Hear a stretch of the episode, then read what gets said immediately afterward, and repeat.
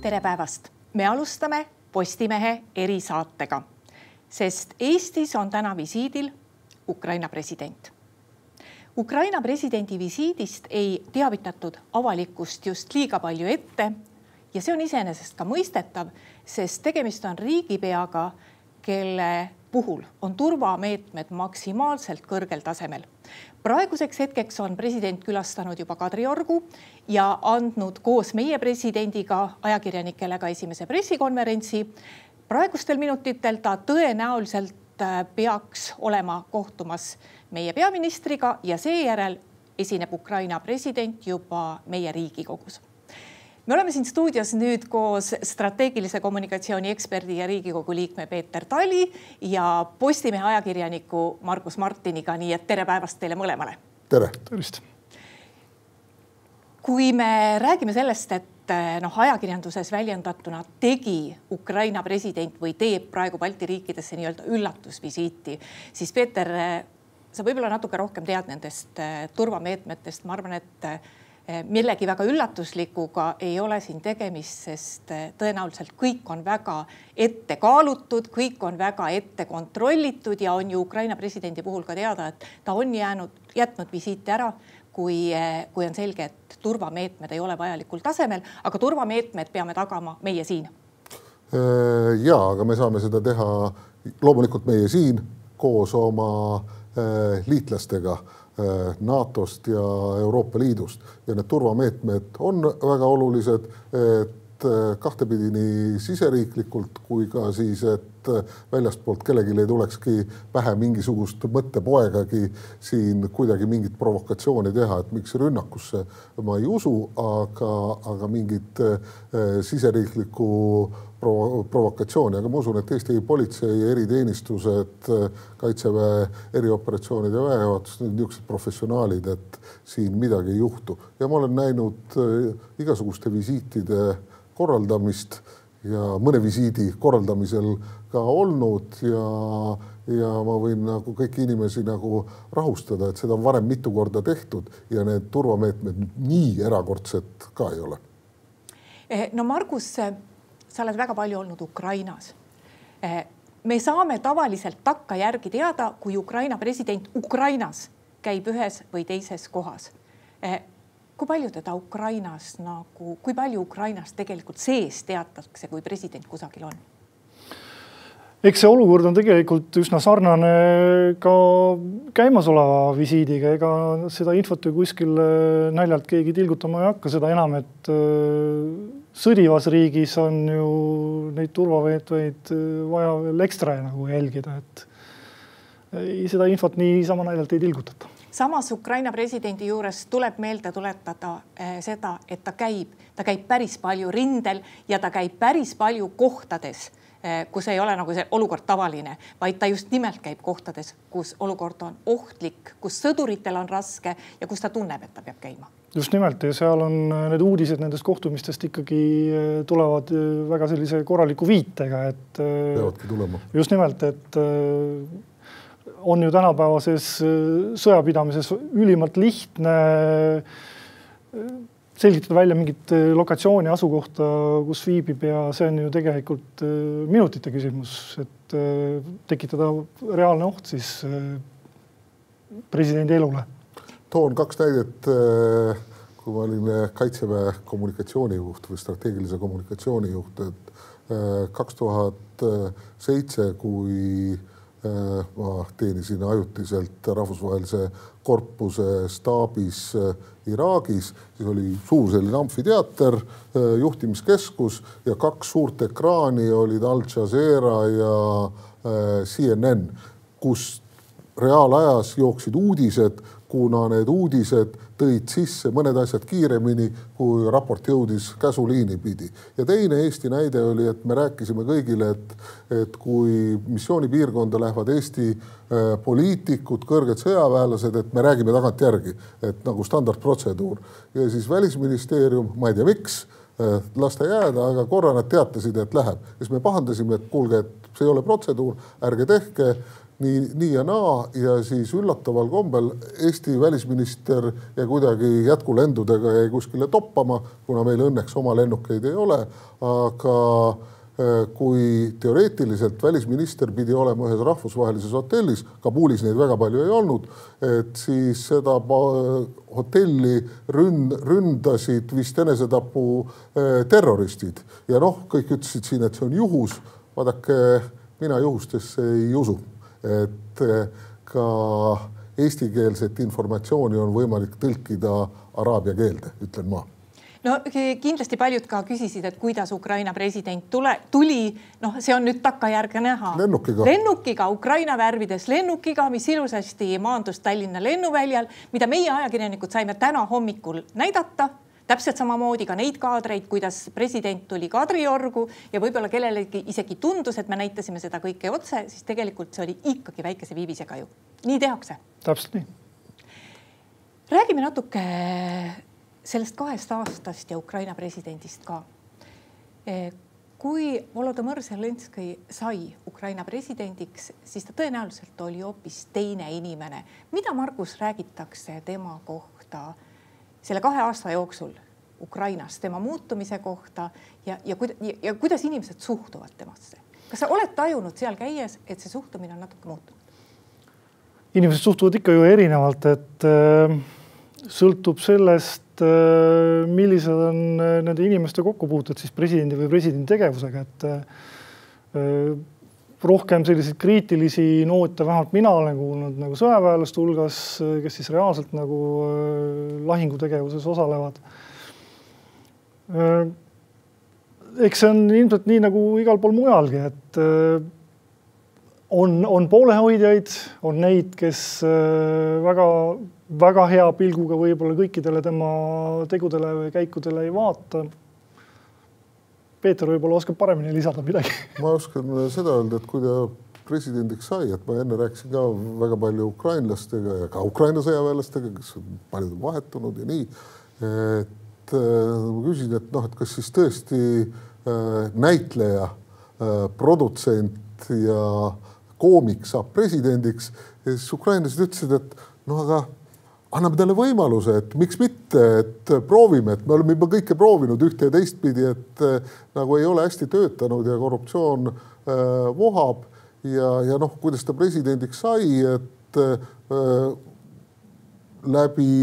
KVN-i, mis on siis äh, leidlike ja lõbusate klubi, et klub Vissjolh ja Nahhotšivõh äh, ta siis üliõpilasena hakkas seal osalema, tegi sketše pärast nad äh, lõid produktsioonifirma Kvartal äh, kaheksakümmend viis, mis hakkas tootma komöödiafilme, tegema remake'e ja siis see nagu päris kuulsus tuli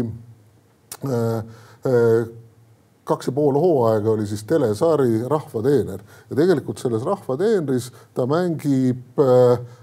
Koloborotkat, kolmekümnendates ajalooõpetajat, kellest siis kuidagi äh, juhuse tahtel ja noh, õpilased ka pakuvad teda välja, saab president. Ja tegelikult nad nendes episoodides, need on päris pikad, ma vaatasin selle üle, et äh, ta mängib läbi kõik olukorrad, mis teda presidendina nagu ees ootasid, et ta, ta tegelikult olid need nagu äh, niisuguses naljavõtmes harjutused nagu iseseisvaks eluks, et ta mängis need läbi ja ta oli presidendiks valmis. Ja ta tegelikult, mida ta lubas, et ta leiab sõjale lahenduse, et sõda pole käinud ju äh, kaks aastat, vaid kümme. Et ta leiab sõjale lahenduse ja ta üritaski läbirääkimisi, aga noh, Kreml ütles, mis kurat, klouniga me ei räägi.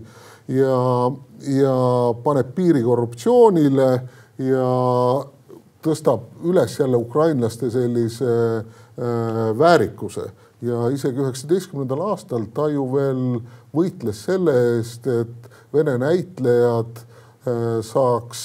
mängida Ukraina filmides ja et see Vene kultuurivahetus toimis, kuna tema jaoks oli ka ju, ta on venekeelsest juudi perekonnast, et see äh, Vene turg on tema jaoks oluline, aga nüüd viimase kahe aasta jooksul ta on äh, märksa tõsisem ja ta on ka minu meelest silmaga nähtavalt äh, vanemaks jäänud, aga mis on nagu tema suur pluss, ukrainlastel on metsikult vedanud, et neil oli selline või on selline president, et ta tunnetab väga hästi auditooriumit, ta tajub nagu biiti, tunnetab auditooriumit ja vahet ei ole, mis auditooriumis on, kas ukrainlased, juudid, venelased, Ameerika kongress, ootan põnevusega, mida ta räägib nüüd Eesti parlamendile, Riigikogule paari tunni pärast, et ta tajub ja ta tajub seda publikut ootust ja ta on nagu keeruline selline võti, mis avab kõik lukud. Ja, ja selles mõttes äh, tema sotsiaalmeedia kasutamist ei saa alahinnata, et ta kogu aeg oli vaja tal reklaamida ennast, kui ta oli äh, siis meelelahutaja ja siis äh, poliitikult, ta tegi samanimelise partei, siis äh, Rahva teener äh, ja, ja ta kogu aeg suhtles otse kuna tal ei olnud raha, et osta nagu oligarhide abil ennast suurde ajakirjandusse või meediasse sisse ja ta suhtles otse ja sõja ajal töötab see nagu väga hästi ja, ja ta nii hästi esineb, et ma toon kaks näidet. et üks näide oli, et noh, Vene vaenulik mõjutustegevus, et nad on kõik ära põgenenud, ära läinud ja siis, kui Vene väed olid juba Kiieva lähedal, Kiievit pommitati, siis ta tuli oma lähima staabiga välja, ütles, aga me oleme kõik siin vaadake, siin on mina, siin on ülemjuhataja, siin on ministrid, me oleme kõik siin ja küll me saame. Ja siis paar päeva hiljem jälle oli väga raske, see kuuekümne kilomeetrine Vene kolonn seal ähvardas ja oma raskuse all läks seal Butša kandis kuskil murdus, siis ta tuli välja jälle hommikul kuskilt valitsussektori või valitsuskvartali punkrist. Oli siin mingi lumehelves. Siis ta ütles, et, et Ukraina seisab, me võidame, õhus on kevad, et siis tuli üks lumehelves ja ta pilgutas silma. pagan, see oli nii emotsionaalne, see töötas nii hästi no me oleme nüüd korra näinud teda Eestis andmas pressikonverentsi, ma ei tea, kas teile oli ka natuke üllatav, aga mind üllatas see, et Eesti ajakirjanikud millegipärast küsisid Eh, võimaliku vaherahu kohta, kusjuures me teame, et enamasti ju kõik analüütikud on öelnud, et vaherahu on kõige halvem asi Ukrainale, mis praegu juhtuda saaks. No ajakirjanikud võivad küsida ju kõike, et ma noorpoliitikuna küll ei julgeks öelda, et mida ajakirjanik võib küsida ja mida ei või Eh, Margus, sulle, kas sina, mida sina oleksid tahtnud, kui sina oleksid saanud seal ruumis olla, mida sina oleksid küsinud Ukraina presidendilt? ma oleks küsinud äh, kindlasti palju teistsuguseid asju ja, ja see võimalus mul ka tuleb. Ma väga loodan, et sa küsid teistsuguseid asju, aga mina, ma kunagi olin ka ajakirjanik hästi ammu, et äh, mina küsiks Zelenskõi käest, et, et äh, mis on teie jaoks võit, et mida te tahate saavutada ja mida te näete ja kui kui palju te olete valmis võitlema ja kui palju äh, noh, et kui palju Ukraina rahvas on, äh, suudab veel kaotusi sisse võtta, sest noh, mis selle visiidi äh, tähtsus on, et Zelenskõi kindlasti on vaba maailma esimene rüütel otse eesliinist võitlusest siis noh, ütleme Mordoriga, kurjusega et ta on kindlasti vaba maailma esimene rüütel. ja miks ta siia tuleb, üks asi on tänada ja teine asi on see, et tal on vaja vaba maailma tuge, sellepärast et ilma vaba maailma toeta, ma ei taha siin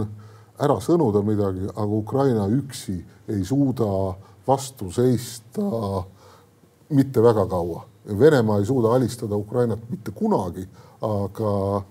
see on nagu teine asi, et ta võib küll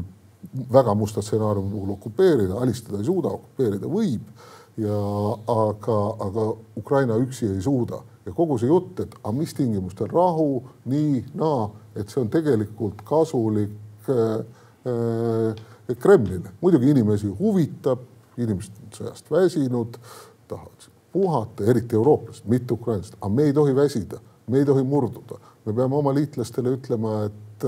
et see on elu ja surma küsimus ja me peame andma Tapri, Mõõga, püstoli, Haimarsi, äh, Tauruse esimesele rüütlile ja tema sõjaväele, seepärast et äh, see on see on vaba maailma eksistentsi küsimus. no president Zelenskõi on tegelikult äh, suhteliselt otseütlemisega president, äh, emotsionaalne ja, ja hästi kaalub seda, kuidas tema sõnum kohale jõuab, nagu Peeter ütles. samas pole midagi teha lõppkokkuvõttes sellisel rahvusvahelisel areenil on ta kahtlemata ka ikkagi eelkõige ka viisakas. tegelikult ei näita ta välja seda kannatamatust Eh, mida ta võiks välja näidata, arvestades seda, et meil on praegu need abikokkulepped noh, sõna otseses mõttes mahamullutamise ääre peal meil ei ole praegu tulevikus kindlust, need otsustatud rahad on praktiliselt läbi saanud. kui president on rahvusvahelisel areenil viisakas, kas Margus, inimesed Ukrainast saavad ka natuke aru sellest, et lääs siiski noh, siiski viidab mõttetult aega, sest et tegelikult ju tundus meile, et needsamad hävituslennukid ju võiksid juba eelmine aasta sinna Ukrainasse jõuda. no täna me teame, et, et seda nii ei ole, aga samas, kuidas inimesed seda tajuvad, ütleme, et kui Ukraina presidendi asemel ütleks mingi Ukraina, annaks meile pressikonverentsi sellesamal abi teemal mingi Ukraina inimene, mis tema ütleks? mis nad räägivad selles? kahtlemata, et noh, sarnaselt Peetriga, eks ma ju pean ühendust samamoodi ju küll valdavalt rohkem sõjaväelastega, aga alles see oli võib-olla poolteist kuud või kaks kuud tagasi on selline tekkinud ikkagi juba päris tõsine frustratsioon, et kui ütleb ohvitser, et mitte kõige kuumemal rindelõigul, aga siiski, et, et, et meil on kõik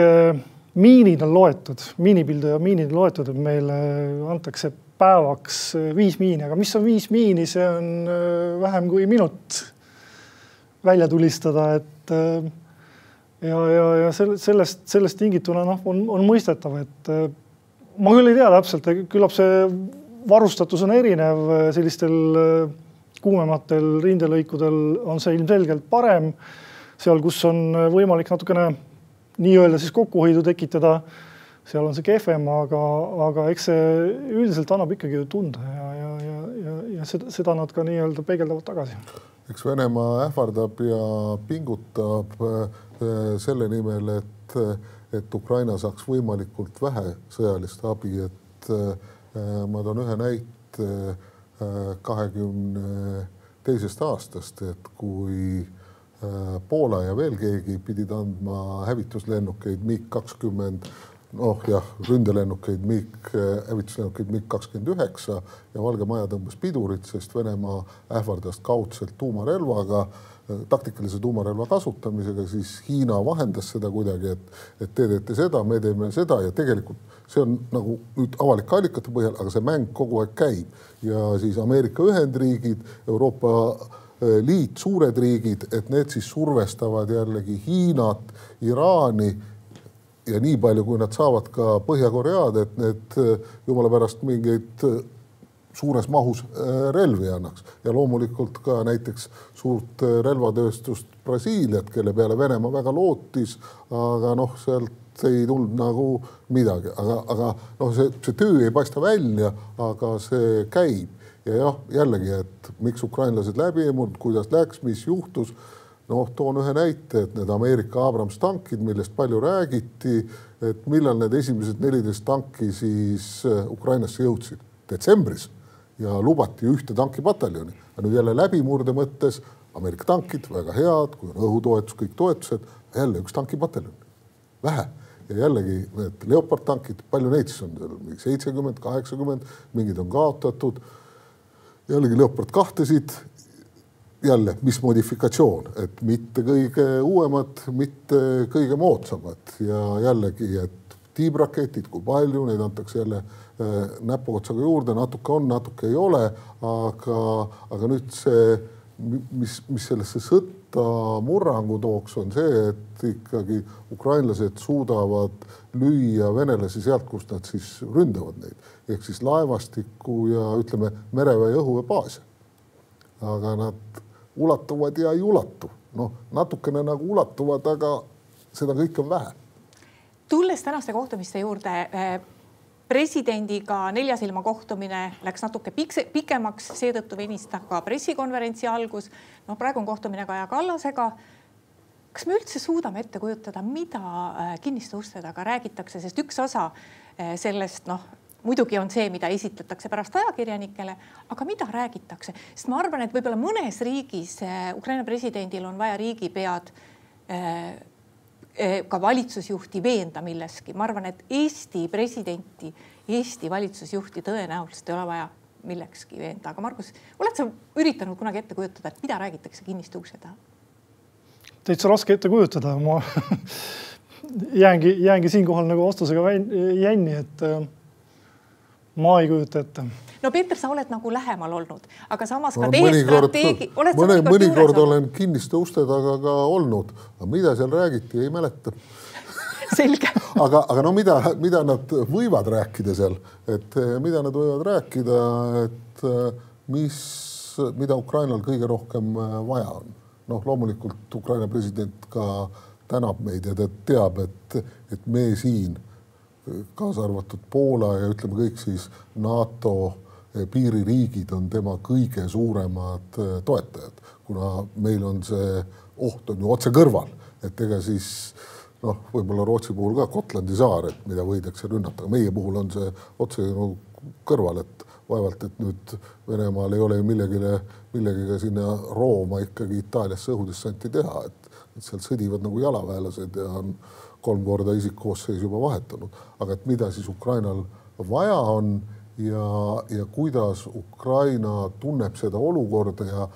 milline on siis ütleme, keskpikk ja pikk perspektiiv, et kuidas me saame, kuidas me saame toetada ja seda ühist rinnet hoia, hoida ja siis ka see tunnetus, sest vahepeal käis ka ju poliitiline võbelus, et kord Ukraina ütles, et me teeme valimised ja siis ta ütles kiiresti, et me ei tee valimisi. ja noh, tegelikult Ukraina põhiseadusliku sõja ajal ei, ei ole võimalik neid valimisi ka teha, sest osa alasid on okupeeritud, sõjapõgenud, no kuidas sa tehniliselt teed, no võimatu. Margus, sa ütlesid enne, kui me saatesse tulime, et kui sa jälgisid pressikonverentsi, mida äh, andsid kaks presidenti, siis sul oli väga hea meel selle üle, kui meie, et meie president otsustas anda nii-öelda Ukraina sõdurile selle autasu. just, et äh, sümboolne autasu Ukraina sõdurile siis Eesti kõige kõrgem nagu selline auraha, et, et see, see oli minu meelest tõesti, et presidendilt äh, väga kena samm, et äh, ei ole ju alati vaja anda konkreetsetele persoonidele, et selline sümboolne käik on minu meelest palju, palju, palju nagu mõjusam. Ja, ja selle autasu kohta ma tahaks öelda, et seda on, see on siis Kotka risti esimene klass mõõkadega ja seda anti esimest korda pärast teist maailmasõda. enne esimest maailmasõda, parandan, enne teist maailmasõda, et seda hakati, Kotka rist muutus riiklikuks kakskümmend üheksa ja seda enne seda anti välja vist kümme korda, kui mu mälu ei peta. ja nüüd anti see esimest korda välja ja varem on antud Vabadusristi, mis on kõige kõrgem autasu ja mida ei anta praegu, sest on rahuaeg ja ma loodan, et ka nii jääb, et seda on antud tundmatule sõdurile enne teist maailmasõda küll, aga see on just Ukraina sõdurile erakordse äh, vapruse eest läänemaailma ja meie väärtusruumi äh, kaitsele, et, et see on väga erakordne samm ja väga leidlik samm presidendi ja tema meeskonna just. samm. iga, iga Ukraina sõdur tunneb, et teda on väärtustatud, tema, seda, mida ta teeb. ja just ja seda enam, et noh, et kolmekümne või rohkem kui kolmekümne iseseisvus esimest korda ja ma ei, ma ei näe, et seda nagu nähtavas tulevikus veel kuidagi võidakse anda, et siis peab tõesti midagi ülierakordset olema. ma tuleks korra veel selle eh, presidendi, presidentide pressikonverentsi juurde tagasi, et kui jutt oli sellest vaherahust, ma juhiks tähelepanu kui äh, toredasti vastas selle kohta meie president Alar Karis et ta tõi näiteid Eesti ajaloos, et vaherahu ei tähenda mitte midagi. tõi näite sellest Tartu rahust, mida ikkagi ükskord rikuti, tõi näite ka sellest, ütleme viimasest sõjast, kus Euroopas viiskümmend aastat ei olnud sõda, Euroopa juba unustas ära, et tuleb sõjaks valmistuda. aga reaalsus on ikkagi see, et kui sul on selline naaber, siis ei ole kunagi mingit lõplikku vaherahu minu meelest oli see meie presidendi poolt väga hea tähelepanu juhtimine. just, ajalugu räägib iseendast ise. jah, et see paraku äh, Kreml, Kremlis on selline bütsantsilik äh, salakavalus, sõnamurdlikkus ja imperialistlik ambitsioon ta laieneda ja taasluua Vene impeeriumit ja, ja noh, ükski Venemaaga sõlmitud leping ei ole väärt isegi seda paberit, kuhu ta on äh, kirjutatud ja Venemaa, noh, see on nüüd, maskid on langenud, et Venemaa saab aru ainult toorest sõjalisest jõust, ainult toorest sõjast, majanduslik, diplomaatiline, poliitiline jõud. et kui sa seda kasutad, see kuidagi toimis, täna enam mitte, ainult toores sõjaline jõud no tegelikult on see Balti riikide visiit äh, korraldatud sellisel viisil, et eile oli Ukraina president Leedus, täna on ta siin ja siit ta suundub juba edasi Riiga. ja Margus, ma tean, et äh, sa oled ka suundumas Riiga, et äh, on sul praegu ka ülevaade sellest, millised kohtumised tal seal aset leiavad ja kuidas see visiit on seal korraldatud ja kui palju ajakirjanikud sealt seda kõike näha saavad? ma nii palju saan öelda, et ajakirjanikud saavad temaga ka, vähemalt nii on lubatud kohtuda ja, ja loodetavasti siis õnnestub see mul ka. see on esimene kord, oled sa varem proovinud? ma olen äh, jah, äh, paaril korral üritanud pääseda äh, ka pressikonverentsile ja aga, aga ei ole õnnestunud. isegi ma... pressikonverentsile mitte? jah, et mõlemad olid Ukraina pinnal, et noh, Eesti pinnal jätkuvalt mitte, aga siis kuskil mujal. oled sa, oled sa üritanud saada ka nii-öelda äh, eraldi intervjuud Ukraina presidendilt, eh, kui keeruline see võiks olla? no minu jaoks suhteliselt lootusetu üritus, et eh, nagu siin ka saate eel vestlesime ja, ja, ja, ja Peeter eh, väga targalt ütles, et selle jaoks, et, et pääseda sellisel ajahetkel sellise kaliibriga riigijuhi jutule, on vaja natukene enamat kui ilusat, ilusat palvet. sidemeid ja õnne on vaja, õnne just, on ka vaja just. ja seda õiget hetke. ja kuigi ei saa nagu kurta, eks meil on ju Postimehes ka õnne olnud ja, jah, aga ma loodan, et, et sa saad küsida küsimused ja ma tähelepanelikult vaatan vastuseid õigetele küsimustele. loodan minagi. aitäh teile mõlemale ja aitäh, et meid vaatasite tänase päeva sündmusi eh, jääb Postimees kajastama edasi. vaadake meie kodulehelt, lugege meie blogi, sinna me paneme pilte, videosid ja kõiki asju, mis Ukraina presidendi visiidiga täna seotud on, kuni siis õhtuni välja. aga Postimehe järgmine otsesaade on eetris uuel nädalal. thank you